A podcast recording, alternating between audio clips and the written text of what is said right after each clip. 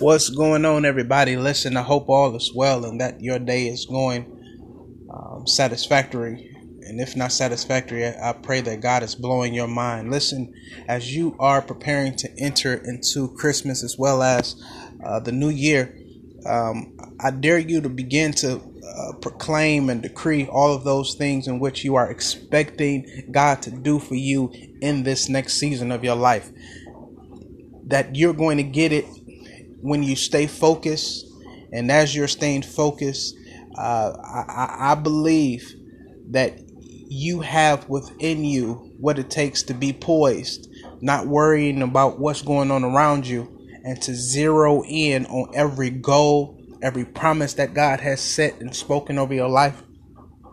And if you're not a spiritual person, I, I pray that you even draw closer to God so that God can reveal those things to you. A lot of people uh, want blessings and, and they want uh, all of this positivity. All of this is rooted in God.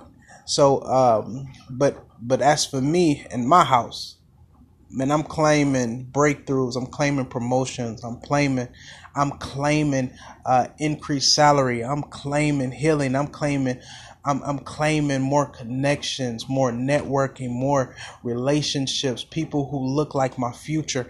I'm claiming uh, positive thoughts. I'm just claiming uh, to, to, to look better so that God can look better through me. So, whatever it is that you're thinking or, or, or expecting God for, I pray that you begin to feel it in your spirit so much so that you begin to live in the future right now.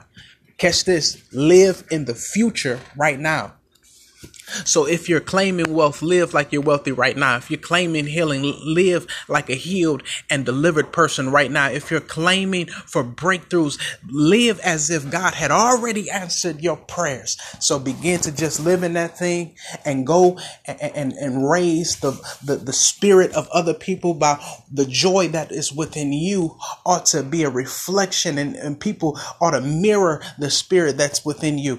So I just want to encourage you to go in peace go in love, going in joy, and understand these things have the ability to change the atmosphere that God has placed within you. Everything that you need to flourish and prosper in life. My prayer is that you begin to live in the overflow of what God has for you.